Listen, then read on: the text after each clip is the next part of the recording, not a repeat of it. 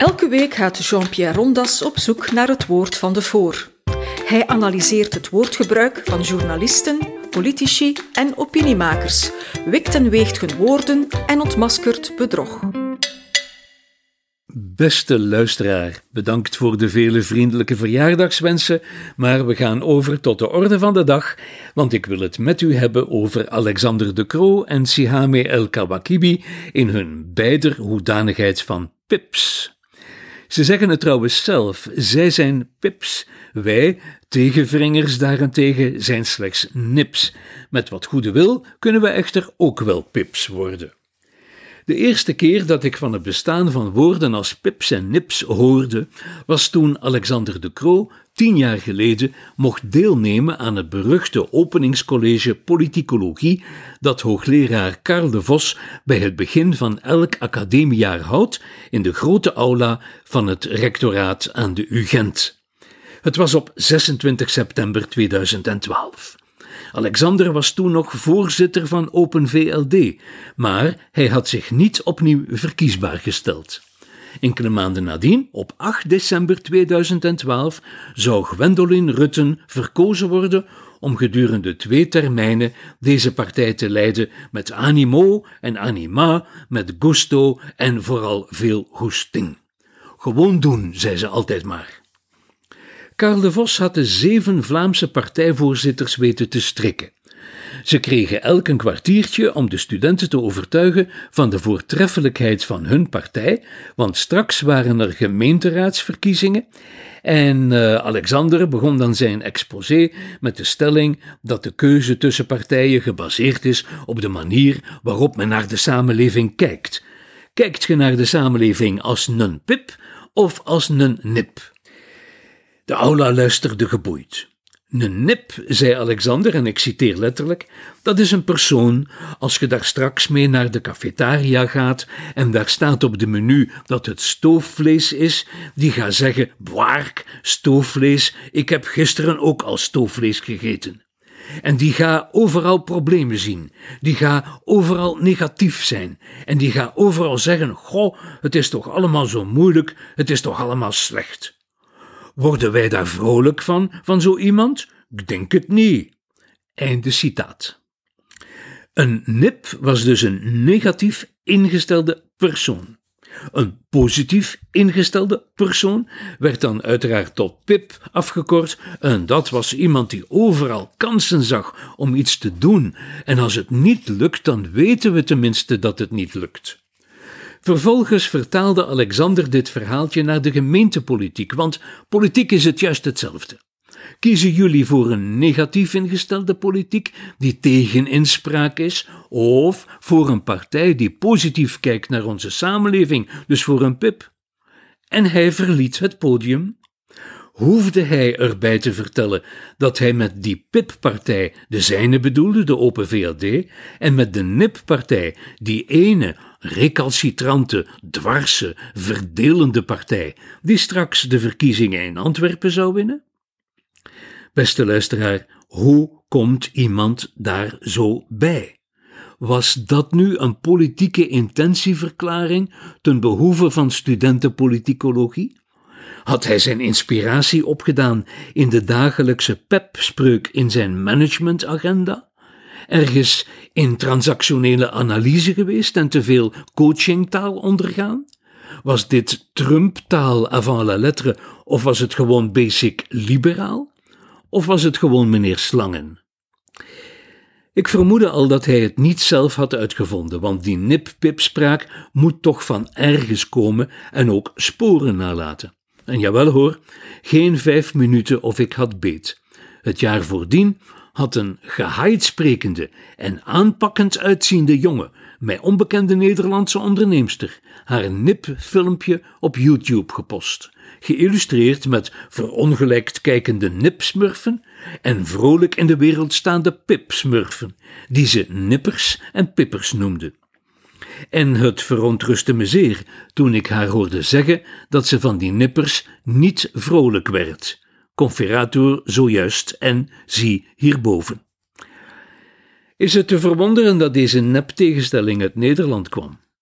De droevige werkelijkheid was al ouder, maar ze verscheen eerst als satire bij Coat en Bie, die hun positivo's tegenover de doemdenkers plaatsten.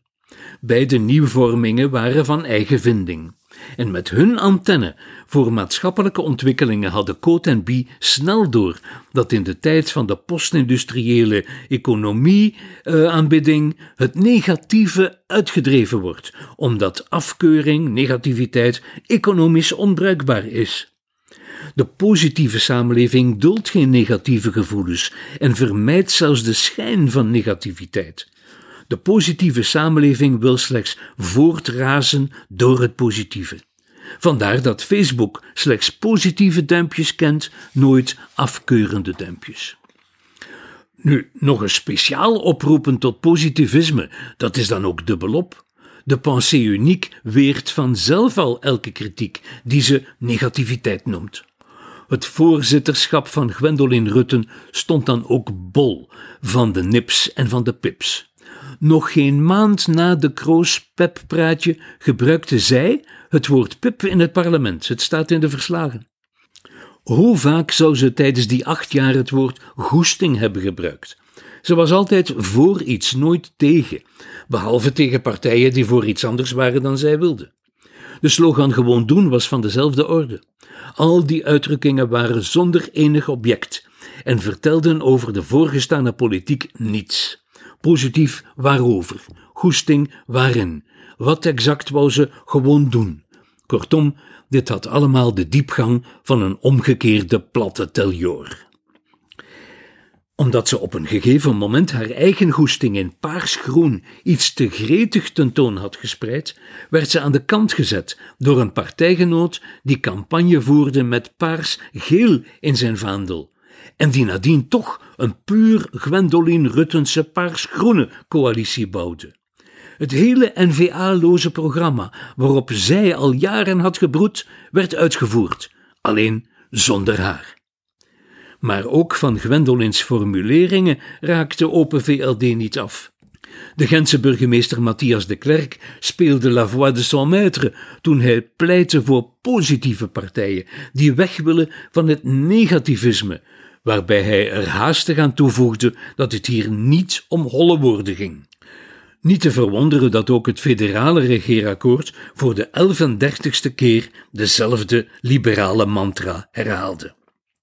En ik citeer uit dat akkoord: de federale regering stimuleert en bundelt alle positieve krachten in een sfeer van solidariteit en samenhorigheid, met een aanpak die verenigt in plaats van verdeelt, verbindt in plaats van spanning en tweedracht zaait.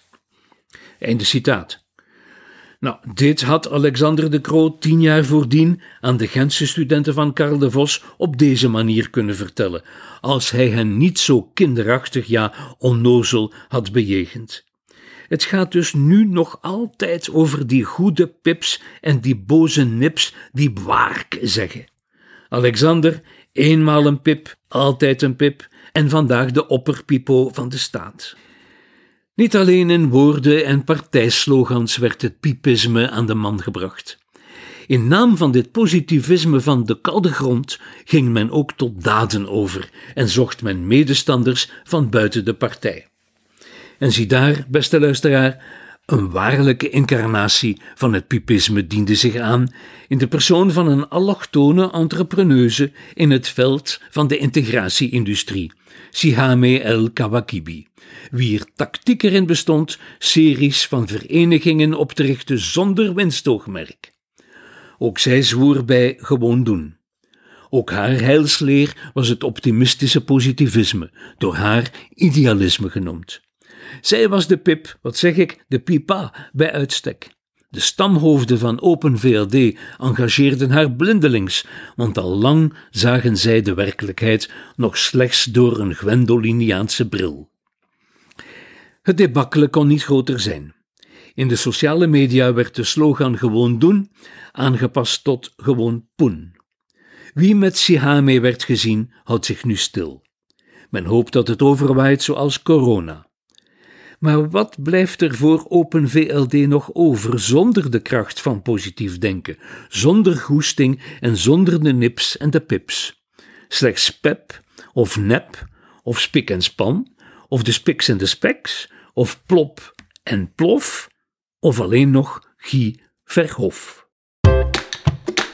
Dit was een episode van Doorbraak Radio, de podcast van doorbraak.be. Volg onze podcast op doorbraak.be/radio of via Apple Podcasts, Overcast of Spotify. Bezoek ook onze website op doorbraak.be en steun ons door een vriend te worden van Doorbraak.